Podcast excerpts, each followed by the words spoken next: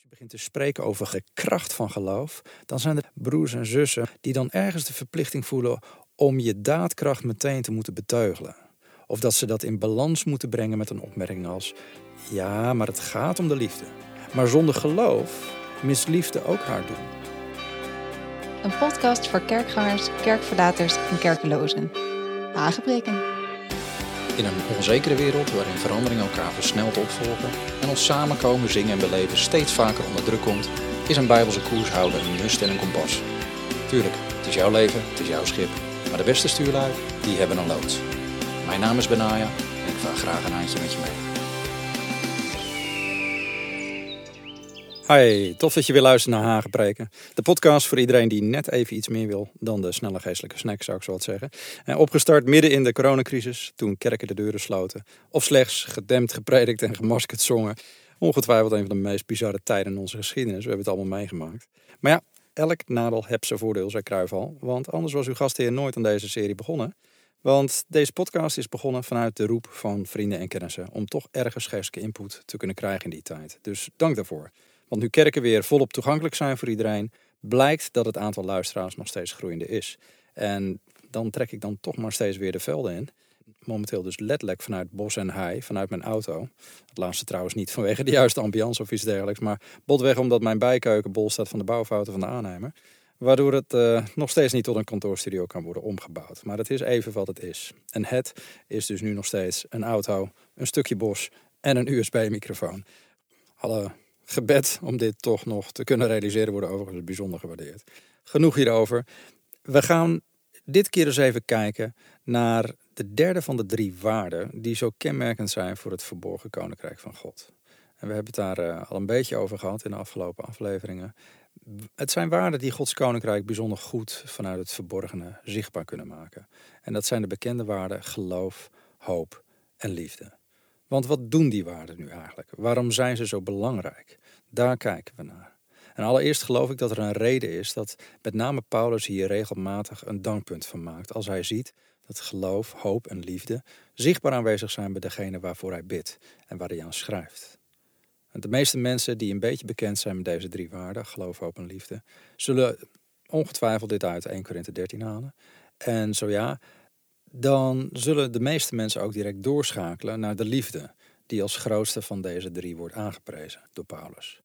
En daar gaan we het straks nog even over hebben. Maar geloof, hoop en liefde worden door de apostel Paulus in zijn schrijven aan meer gemeenten genoemd dan alleen in dit tekstgedeelte. Veel mensen weten dat niet. Maar geloof, hoop en liefde lijken bijna een soort, ja, een soort stempel van goedkeuring te zijn. Of, of minstens een, een duidelijk terugkerend patroon in, in Paulus' schrijven. Het zijn drie waarden die sterk op Paulus' netvlies staan, alsof hij zich beseft dat ze onlosmakelijk met elkaar verbonden zijn. En dat zijn ze ook. En neem bijvoorbeeld wat hij zegt tegen de gelovigen in Colossense, de in Colosse. Colossense 1, vers 3 tot 5. Wij danken de God en Vader van onze Heer Jezus Christus altijd, wanneer wij voor u bidden. En waarom?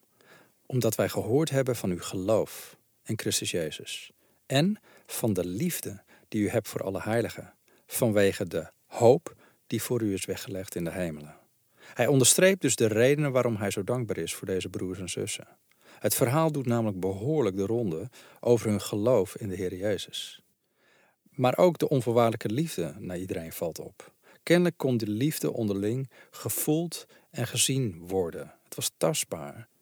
En dit kwam dan weer vanwege, zegt hij, de hoop die ze vasthouden als een belofte ja, die nog in het verschiet ligt geloof, liefde en hoop. En dezelfde manier van schrijven zie je in zijn brief aan de gelovigen in Thessalonica, waar hij opnieuw dankbaar is dat die drie waarden telkens weer bij hem naar boven komen als hij voor hem bidt.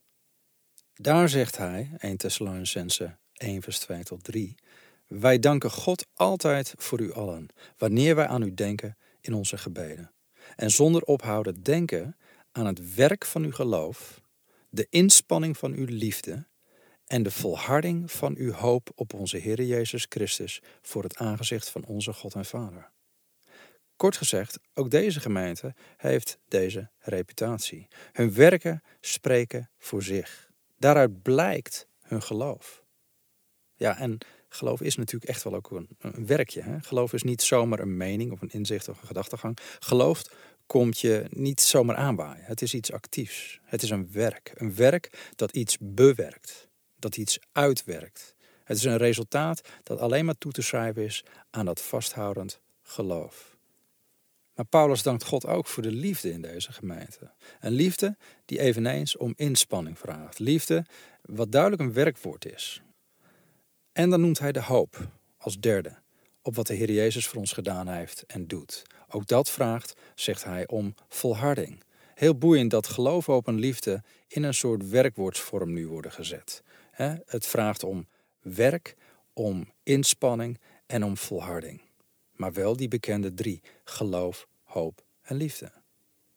Het bijzondere vind ik dan dat die geloof, hoop en liefde, die genoemd worden in 1 Korinthe 13, wat de meeste mensen kennen, en waarvan gezegd wordt de meest van deze is de liefde, die zijn kennelijk in Korinthe nog niet helemaal actief. Het is nog geen dankpuntje daar voor Paulus, maar het is meer iets wat hij probeert ze bij te brengen. Vandaar dat hij er onderwijs over geeft. Toch is dit denk ik wel een van de bekendste teksten over geloof, hoop en liefde.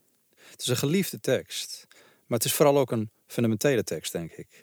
Want zoals Paulus eerder in datzelfde hoofdstuk 13 van 1 Korinthe uitlegt, zijn zonder de liefde eigenlijk al onze werken en daden, hoe volhardend en vasthoudend ook, zonder betekenis of waarde. En ik denk dat zelfs ja, niet-christenen dat beseffen. Ik bedoel, stel je voor, iemand kan allerlei goede of mooie dingen doen of neerzetten voor anderen. Maar als er op een gegeven moment een punt komt dat uh, degene die dit doet uh, gekend wordt door mensen. En dan komen ze erachter dat deze persoon eigenlijk alles uit verplichting deed. Of, of vanuit een motivatie van schuldgevoel bijvoorbeeld. Of, of puur zelfpromotie. Of misschien wel omdat hij wou voldoen aan verwachtingen van andere mensen. Ja, dan maakt zo'n persoon toch minder uh, naam. Hè, dat is toch minder aantrekkelijk. Het wordt als minder nobel gedacht dan wat mensen eigenlijk op geboekt hadden. mensen zoeken oprechte bezieling, een, een liefdevolle bewogenheid. Dat mist dan. Want liefde is onweerstaanbaar. Mensen willen dit zien. Mensen willen zelf ook gezien, gehoord, maar vooral ook geliefd worden. Dat telt. Iemand die gewoon dingen doet vanuit een andere motivatie komt toch minder aan. Vandaar dat Paulus dit schrijft aan de Corinthiërs. Ik lees het gewoon nog even aan je voor, want het is een bekend hoofdstuk, maar niet iedereen heeft het misschien op zijn netvlies. Als je het niet herinnert, het gaat als volgt. Hij zei, beginnend in vers 1, al zou ik de talen van de mensen en van de engelen spreken, maar ik had de liefde niet, dan zou ik klinkend koper of een schallende symbaal zijn geworden. En al zou ik de gave van de profetie hebben en alle geheimenissen weten en alle kennis bezitten. En al zou ik het geloof hebben, zodat ik bergen kon verzetten, maar ik had de liefde niet, dan was ik niets. En al zou ik al mijn bezittingen uitdelen tot levensonderhoud van de armen. En al zou ik mijn lichaam overgeven om verbrand te worden. Maar ik had de liefde niet, het baatte maar niets. En vervolgens gaat hij dan verder met het definiëren hoe die liefde er dan wel precies uitziet. En daar gaan we nog wel eens naar kijken. Maar wat een statement is dit. Samenvattend kun je, zou je kunnen zeggen: zonder liefde maak je hoogstens een hoop lawaai, maar ben je feitelijk niets. En baat alles wat je doet ook niets dat is nogal wat. Dan ga je bijna automatisch afvragen, hoeveel lawaai maak ik zelf eigenlijk? Ja toch? Tenminste, ik doe dat dan. Val ik ook in de categorie van veel geblaad, maar weinig wol? Of wordt Gods liefde door anderen gevoeld en ervaren in mijn spreken? Of misschien zelfs in mijn preken, voor sommigen van ons. Want daar heeft Paulus het hier over. Hij stelt dat communiceren zonder liefde eigenlijk alleen maar een hoop geluid is. En dat actief geestelijk aan de slag gaan, met, met al die gaven onder andere, zonder liefde, dat maakt je betekenisloos. Zelfs al zou je het doen ten koste van jezelf. Als liefde namelijk niet de onderstroom is, de werkelijke basis, de drive waarvanuit je dingen doet, dan heeft het totaal geen nut. Het doet me een beetje denken aan een voorganger die ik ooit kende laten we in het kader van de privacy voor het gemak even Jacob noemen. Jacob leerde ik kennen als een gedreven man. Iemand die heel veel mensen meekreeg, puur op basis van zijn vermogen om anderen te enthousiasmeren en te activeren voor, voor een bepaalde visie. En hij werkte daar ook hard voor. Hij begon al ruim voor zijn voorgangerschap als een enorm dienstbaar persoon. Zo heb ik hem altijd leren kennen. Altijd als eerste aanwezig en als laatste weg. Altijd klaar om te helpen. Echt niemand was zo trouw en zo loyaal als, als Jacob. En je kon op hem boeken op zo iemand. Prachtig. Maar toen de kerk waar hij diende uit elkaar dreigde te vallen, omdat er oneindigheid was in het leiderschap, ging iedereen weg. Boeiende was, Jacob bleef op zijn post. Ook zo mooi. En toen de voorganger vertrok en de kerk leek te worden opgedoept, toen, toen bedacht Jacob zich niet. Hij pakte de brokstukken weer bij elkaar. Hij wist mensen te bemoedigen en te motiveren om, om vooral door te gaan samen. Het duurde dan ook niet lang of hij begon zelf uh, een zondagsdienst te organiseren. Had tenslotte genoeg uh, ervaring, genoeg meegedraaid in de kerk om te weten wat er voor nodig was. En de mensen waren met hem bekend, dus die gingen met hem mee. En, en, en hij ging er helemaal voor. En niet veel later huurde hij een zaaltje en een geluidsinstallatie. En daarna, um, na de zondagsochtenddienst die hij, uh, hij hield vanaf dat moment, ging hij ook avonden organiseren. En dat werden soms eindeloze avonden waarin hij zelf het voortouw nam in de prediking en de muziek. En hij stond avond en avond in de kou op het Centraal Station uh, om te evangeliseren en in het winkelcentrum. En hij was aan het bidden met mensen. En later uh, weet ik ook nog, toen Jacob een boek te pakken kreeg over, dat heette Demonie en Bevrijding. Toen gooide hij er nog een schepje bovenop. Toen hield hij urenlange bevrijdingssessies, zowel op gemeenteavonden uh, als ook bij hem thuis. En hij spoorde iedereen aan tot bidden en tot vasten. En uh, hij ging helemaal voor wat hij noemde dan de doorbraak en, en de oogst. Het leek onvermoeibaar. En wat had hij een visie? Heel veel visie. Maar goed, schapen zijn schapen. En schapen willen eigenlijk niet zoveel. Gewoon eigenlijk wat grazige weiden en stille wateren. Dat en een, beetje het gevoel dat ze een herder hebben die erop toeziet dat dat alles ook voorradig blijft.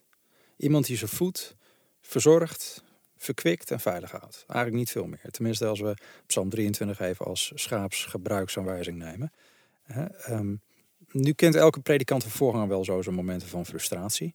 En dat is logisch. En schapen zijn tenslotte niet de makkelijkste dieren kijk, dat de Heer Jezus ons daarmee vergelijkt, bijvoorbeeld Johannes 10 is zo'n stuk, is eigenlijk ook helemaal geen compliment. Uh, sommige mensen denken dat, maar uh, ik denk eerder dat God ons daarmee typeert hoe we feitelijk zijn. Waarmee we de aard van ons gedrag kunnen vergelijken. En dat is heus niet zo flatteus. Schapen kunnen meestal wel gemoedelijk zijn, maar vooral ook heel eigenwijs, zelfgericht, koppig, uh, niet heel dapper en zeker niet bijster snugger.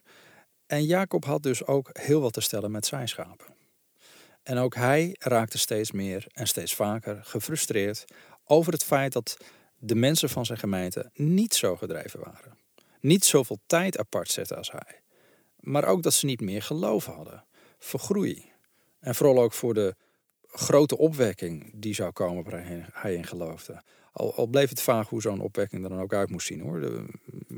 behalve dat er heel veel mensen in de kerk zouden moeten gaan komen en wonderen zouden moeten gebeuren ja, opwekking werd niet gedefinieerd. Wordt trouwens heel vaak niet gedaan. Veel mensen spreken over opwekking, maar ja, waar gaan we dan op af? Hoe ziet het er dan uit?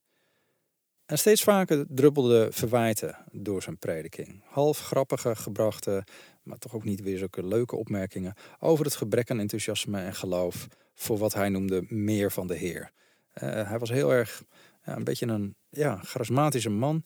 Um, en hij zinspeelde dan op de lauwheid die de mensen zouden hebben. Een gebrek aan passie om de wereld te bereiken met het evangelie. En tot op de dag van vandaag weet ik niet precies wat Jacob voor ogen stond. Zijn hart was beslist oprecht en, en vol vuur van de dingen van, van de Heere God. Prachtig. En toch zie je dan dat er een gebrek aan resultaat was en groei, wat hem dwars zat. En het gebrek aan participatie van de gemeente en het gemopper onder de leden, ja, dat werd hem steeds meer een ergernis. Dat zag je gewoon gebeuren. Maar teleurstelling gemixt met boosheid, eh, dat is een gevaarlijke cocktail. En schapen blijven vluchtdieren. Dus een boze, gefrustreerde herder, ja, dat is niet een fijne herder. En dus gaan schapen hun eigen gang. Schapen willen worden geleid, maar niet omdat ze staan te springen om een leider met grote dromen. Ze willen gewoon worden geleid naar grazige weiden en stille wateren. En dat in alle geduld en zelfopofferende liefde van iemand die van de kudde houdt. En dat niet omdat de kudde moet meehelpen herderen, of omdat ze deel moeten worden van een groeiende veestapelvisie. Begrijp je wat ik bedoel? Het gevolg was dat mensen meetings begonnen te verzuimen. En dus steeds vaker stond Jacob er alleen voor met een handjevol mensen, vaak ook jonge mensen. En voor veel mensen was het dan ook een enorme shock dat Jacob op een zondag aankondigde dat volgende week de laatste dienst zou zijn en dat de gemeente zou stoppen. De Heer, zei hij, had hem geroepen om een gemeente te starten in een plaats 50 kilometer verderop. Nou, mensen waren helemaal kapot en helemaal eh, geschokt. Ik moet zeggen, ik had al veel gezien en meegemaakt in de kerkwereld. Maar deze was inderdaad wel heel erg pardoes. En aan de andere kant keek ik persoonlijk ook niet heel erg van op. Ehm, ik was niet heel erg betrokken meer bij deze gemeente. Maar ik had het op een afstand zo gadegeslagen. En het, het viel me op dat het al een langer wrikte. Jacob wist namelijk mensen hoop te geven. En sprak en handelde in geloof. Maar dit werkte maar tot op bepaalde hoogte. En de liefde van God werd simpelweg niet als, als grootste waarde gevoeld door de schapen. Mensen liepen de deur ook niet plat bij Jacob. Ze kwamen als hij een meeting aan huis had georganiseerd. En als het georganiseerd werd, ging alles zoals gepland. Daar lag het niet aan. Zelfs niet aan um, nou ja, dingen als de koffie en de hapjes. Maar het werd nooit echt gezellig. Um, ken je dat? De enthousiaste klik van: hey, dit was tof, wanneer doen we dit weer? Dat was er niet. Vrijwilligers kwamen, meestal uit een gevoel van verplichting ook, of omdat ze door Jacob werden benaderd. Niet omdat mensen deel wilden zijn van iets, of omdat ze graag met Jacob optrokken. Ik kan me ook niet herinneren dat Jacob echt veel vrienden had met wie hij nou, bijvoorbeeld een avondje iets leuks ging doen. Of iets anders wat, wat misschien een keer niet geestelijk was. Dat, kon, dat bestond eigenlijk niet voor hem. En jaren later hoorde ik dat de gemeente in een andere stad, waar hij was begonnen, um, ook nooit echt van de grond was gekomen. En tragisch nog, uiteindelijk is Jacob gescheiden van zijn vrouw, inclusief kind. Het was een tragedie. En velen vroegen zich af, hoe, hoe, kan het, hoe kan het nou? Hoe kan het nou gebeuren? Iemand die zo vurig was en zo begaafd.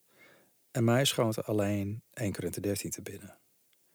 Weet je, je, je kan een getalenteerde spreker zijn en bol van de natuurlijke en geestelijke gaven staan. En je kan al je tijd, energie, geld, alles erin gooien om mensen te helpen. Zelfs om ze te bereiken met het evangelie. Maar al die geloofsdaden werken niet zonder liefde. Zo kan je misschien wel een organisatie of een bedrijf opbouwen, maar niet een geestelijk werk. En daarom zegt Paulus in Galaten 5 vers 6 dat in Christus Jezus het geloof kracht heeft dat door liefde werkzaam is. En andere vertalingen zeggen geloof door liefde werkende. Dat zegt wat. Geloof werkt door liefde. Dit is waarom geloof, hoop en liefde onlosmakelijk met elkaar verbonden zijn. Geloof is de vaste grond van de dingen die men hoopt. Het bewijs van de dingen die men niet ziet. Hebreeën 11 vers 1, dat, dat lazen we vaker dit seizoen. Maar zulk geloof werkt dus alleen door liefde. Liefde is in feite, je zou kunnen zeggen, de brandstof in het voertuig van geloof. De brandstof waardoor dit geloofsvoertuig het doel waar je op hoopt zal bereiken. En misschien weet je het nog vanaf de vorige afleveringen dat we lazen: zonder geloof is het onmogelijk om God te behagen. Want wie tot God komt, moet geloven dat Hij is en dat Hij een beloner is wie Hem ernstig zoeken. Hebreeën 11, vers 6. Maar de God tot wie je komt, zegt de Bijbel, is liefde. Dat staat letterlijk in de Bijbel, 1 Johannes 4, vers 8. God is liefde. Vandaar dat geloof wat God behaagt ook alleen maar werkt door liefde. Want je behaagt een God die liefde is. En in het verborgen koninkrijk van God moet de liefde worden gevoeld en ervaren door anderen. En natuurlijk weet ik wel dat liefde meer is dan een gevoel. Want de liefde waarover wordt gesproken gaat over het liefhebben van elkaar met zelfopofferende liefde. Maar toch is het wel iets wat je diepste zintuigen beroert. Dat is sowieso het geval met liefde, elke vorm van liefde. En ik zeg elke vorm omdat, nou ja, mocht je er niet mee bekend zijn, de Bijbel heeft verschillende vormen van liefde die beschreven worden. Eh, Sommigen van jullie hebben misschien wel eens een studie gehad over de verschillende woorden vanuit het Grieks. Om het even kort te noemen, in het Grieks wordt liefde uitgedrukt in de vorm van het woordje eros bijvoorbeeld. Wat uiteraard spreekt van fysieke, de seksuele component van liefde. En dit wordt uiteraard intens gevoeld en beleefd door mensen onderling. En het heeft zijn climax in de relatie tussen een man en een vrouw.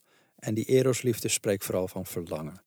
Het, het, geeft ons de euforie van het geliefd zijn om wie we zijn en dat we door iemand aantrekkelijk worden gevonden. Het is een liefde waarbij heel veel hormonen actief zijn en ons lichamelijk prikkelen. En dat kun je geven en ontvangen. Maar er is ook nog storge. Dat is een, een familieliefde, ook een Grieks woordje. En dat wordt ook gevoeld en ook beleefd, maar dan binnen de context van een gezin. En die storge vertaling van liefde spreekt met name van verbondenheid. Maar dan wel verbondenheid vanwege een bloedband van de familie. Het is een liefde die kinderen voelen ten opzichte van hun papa en mama. En dat is wederzijds. En het beslaat ook de verbondenheid van broertjes en zusjes onder elkaar en naar de uitgebreide familie. Dus opa's, oma's, ooms, tantes, wat heb je allemaal. Eh, het biedt een zekere veiligheid, warmte van een thuis. En dan heb je filio. Dat is de vriendschapsliefde. Net weer even iets anders. Dat heeft een wederzijdse waardering aan de basis. Het raakt vooral je ziel. En juist omdat vriendschap een keuze is op vrijwillige basis, niet vanwege het feit dat je bloedverwanten bent en ook niet omdat er hormonen in het spel zijn, het heeft een duidelijke wederzijdse waardering. Dat kan zijn op intellectueel vlak of omdat je gelijk gestemd bent in hoe je over dingen denkt. Het kan ook emotioneel verbondenheid zijn vanwege nou, bepaalde situaties of dingen die je hebt meegemaakt. En het kan zelfs een fysieke oorsprong hebben. In de zin dat je misschien bepaalde activiteiten samen doet, mountainbiken weet ik veel. Dat waardeer je allebei en dan doe je dat vanuit vriendschap. Maar aan de basis ligt een keuze van twee mensen die met elkaar willen optrekken. Ook dat is veelzijdig en voelbaar hè, bij, bij vrienden en vriendinnen onder elkaar. En dan is er uiteindelijk die veelbesproken agape. Dat is het woord wat Paulus gebruikt als hij geloof, hoop en liefde noemt. Dat staat voor onvoorwaardelijke liefde, zoals ik al zei. Het is de liefde die God met name ons voorleefde doordat Jezus Christus zich gaf. En hij gaf zichzelf voor een wereld die hem juist afwees. Het was niet wederzijds. Het is een onvoorwaardelijke liefde die radicaal anders is. Agape vraagt slechts om een eenzijdige keuze. Het is de enige vorm, zou ik zo willen zeggen, die het vermogen heeft om te blijven geven. Of de ander daar nu op uit is, of de ander daar nu om vraagt, of het nog wil, of het juist afstoot. Dat is allemaal niet een factor. Het is een goddelijke uitdrukking van liefde die maar blijft geven en geven en geven, zelfs als de ander afwijzend of gewelddadig reageert. Het is een liefde die zegt: wat jij ook doet, wat je ook vindt of uitspookt, ik blijf van je houden. Ik blijf van mijn kant mijn hand naar je uitstrekken en ik blijf bij je. En dat is uniek. Want de maatschappij om ons heen, die promoot met name eros en filio. Dat denk ik wel duidelijk. Vooral Eros is tegenwoordig heel erg in your face aanwezig overal. Maar de mensen van Gods koninkrijk maken Gods rijk tastbaar en zichtbaar. Doordat ze zich inspannen om de agape-liefde aan allen te tonen. De onvoorwaardelijke liefde. Een liefde die niet vanzelf komt, dat vraagt om inspanning. Het is niet iets wat de hormonen aanwakkeren, zoals bij Eros. Het is niet iets waarin je opgroeit, zoals bij Storge. Het is niet een liefde die gebaseerd is op een gemeenschappelijke deler, zoals filio, vriendschapsliefde. Maar het is een doelbewuste keuze om lief te hebben, wat de ander ook denkt, voelt of zegt. Het is een liefde die een overtreffende trap geeft van, nou, misschien wel die bekende trouwtekst uit het boek Hooglied. Misschien ken je dat, liefde is sterker als de dood. Ik weet niet of je die tekst kent. Mijn dochter zag die tekst laatst voor het eerst en vond het maar gek. Logisch, liefde en dood, ja, dat zie je niet als gelijkwaardig. Maar ik legde aan haar uit dat die tekst betekent: zo absoluut en zo onvermijdelijk als de dood is, is de liefde. Net zoals niemand de dood kan ontsnappen, kan niemand een ander stoppen om van hem te houden. En daarom wilde de bruid van Salomo, waar Hooglied over spreekt, dat zijn liefde zo sterk was als de dood. Maar Jezus doet hier nog een schepje bovenop. Hij zei: Niemand heeft grotere liefde dan wie zijn leven geeft voor zijn vrienden. Johannes 15, vers 13.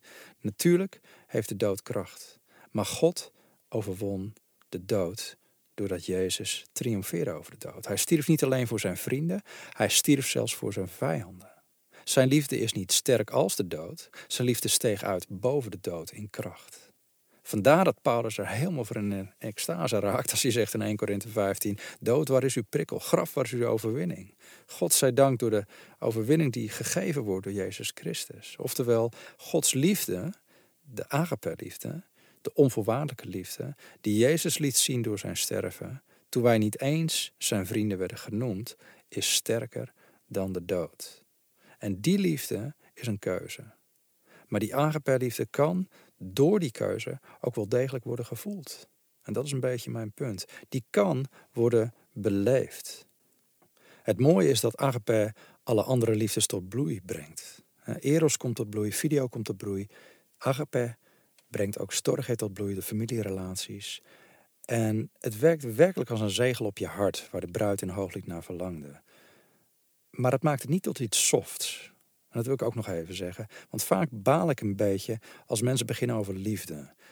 Ik heb het eerder genoemd in een andere aflevering. Vooral als je begint te spreken over geloof en de kracht van geloof, dan zijn er heel veel broers en zussen, met name de pastoraal aangelegde broers en zussen, val me op, die dan ergens de verplichting voelen om je daadkracht meteen te moeten beteugelen. Of dat ze dat in balans moeten brengen met een opmerking als: ja, maar het gaat om de liefde. Of ja, maar de grootste van geloof, open liefde is natuurlijk wel de liefde. Ja, en dat is ook zo. Maar meestal niet zoals het wordt geïnterpreteerd. Dit soort opmerkingen worden meer dan eens vanuit een soort beschermingsdrang gemaakt. Alsof de te enthousiaste en helaas vaak jeugdige medegelovigen met reuzendodende en waterlopende ambities moeten worden getemperd zodat ze het oog maar blijven houden, vooral voor de zwakken onder ons, die onze liefde nodig hebben. Maar agape liefde kan niet worden beperkt tot inlevingsvermogen of sympathie of de schouder om op uit te huilen om tot ja, een soort troostende kom maar bij vader God hoorhouding uh, uit te komen. Dat pastorale. Het is veel meer dan dat. Werkelijke agape trekt de zwakkere en de beschadigde broer of zus voorbij hun ellende en pijn en biedt hoop en een toekomst. De onvoorwaardelijke liefde biedt namelijk hou vast van de hoop die Christus ons biedt en wordt de brandstof waardoor geloof aan het werk kan om verandering te bewerkstelligen. Zoals ik eerder zei, geloof is het voertuig, hoop is de bestemming en liefde is de brandstof. Geloof heeft een richting nodig Hoop geeft die richting en liefde zorgt ervoor, voor die drive, om daar te komen en om het vast te houden. Want zonder liefde werkt geloof niet. Maar zonder geloof, en dat is het punt, mist liefde ook haar doel. Vandaar dat vooral geloof en liefde onlosmakelijk verbonden zijn. Daarom zegt Paulus in zijn tweede brief aan Thessalonicense: Wij moeten God altijd voor u danken, broeders, zoals het behoort, omdat uw geloof buitengewoon sterk groeit. En de liefde van een ieder van u allen tot elkaar steeds toeneemt. En die twee, geloof en liefde, die hand in hand met elkaar opgroeien, zorgden ervoor dat Paulus en andere gemeenten met trots over hen sprak. Omdat de liefde, gekoppeld aan het volhardend geloof, ondanks vervolgingen lijden, stand hield. Hij noemde dat zelfs een teken van Gods rechtvaardig oordeel dat zij het koninkrijk van God waardig waren. Wauw. Het verborgen koninkrijk van God kenmerkt zich door sterk groeiend geloof en voortdurend toenemende liefde onder elkaar. Dat is de manifestatie van het verborgen koninkrijk waar wij onze hoop op hebben gevestigd als eeuwig thuis. Het kenmerk van zowel dat koninkrijk als van onze koning, Jezus Christus, die de God van liefde is.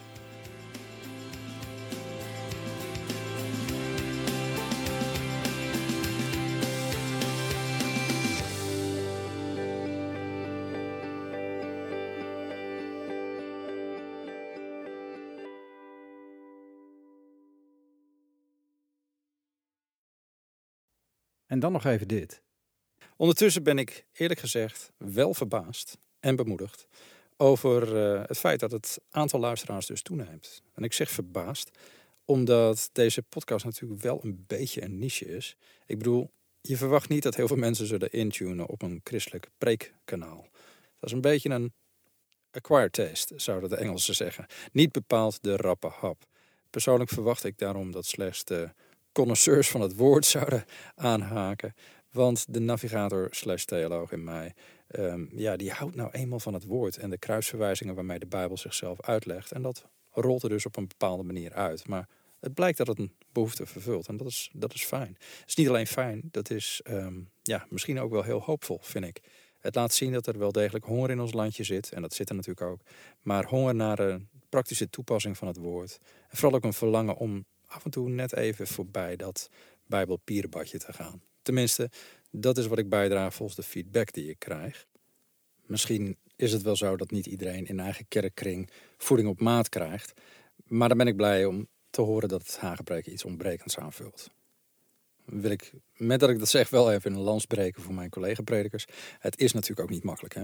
Ehm, bedenk wel, er ligt een verwachting en niet iedere predikant is ook een predikeurt. Niet elke voorganger is bij uitstek een veelvraat van het woord. Hè? Bij machten om iedere zondag een schriftuurlijke vier sterrenmaaltijd ter kerktafel te brengen. Dat kan ook niet. Uh, ik snap wel dat sommige mensen het liefst uh, elke dag wildstoofvlees en wijnsaus genieten. Met geblancheerde persik toetje of iets van dat genre. Maar soms moet je ook gewoon blij kunnen zijn met de voedingswaarde van een boterham met kaas. Dat is ook voedsel. Juist in een tijd als er heel veel exposure is naar allerlei predikers op het internet en, via podcasts, is het dan heel verleidelijk om je eigen voorganger of, of predikant uh, in, in dat daglicht te plaatsen. Van hey, het moet vers zijn, het moet nieuw zijn, het moet diep zijn. Dat kan niet altijd. Um, vanuit mijn eigen voorgangerservaring moet ik ook zeggen dat de verwachtingen van mensen zijn af en toe wel onrealistisch ook. Zo van, als prediker moet je iedereen kunnen boeien. En ook nog eens een keer in elke preek. En dat op het level dat een kind het begrijpt, de tiener erbij blijft, ehm, de adolescent aan het nadenken wordt gezet en, en de andere volwassenen worden uitgedaagd. En, en dat ook nog misschien met mate, omdat iedereen het zo druk heeft.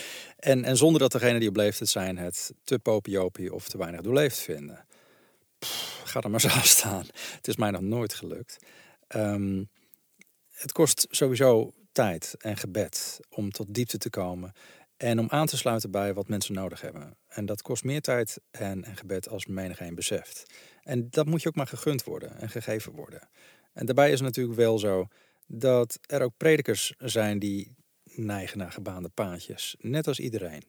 En ja, dan kan het zijn dat iemand jarenlang de gemeente langs welbekende weiden en waterstromen leidt, zonder dat hij misschien zelf doorheeft dat de schapen daar al lang zijn uitgegraast, of dat ze inmiddels in de modder staan vanwege een chronisch watertekort.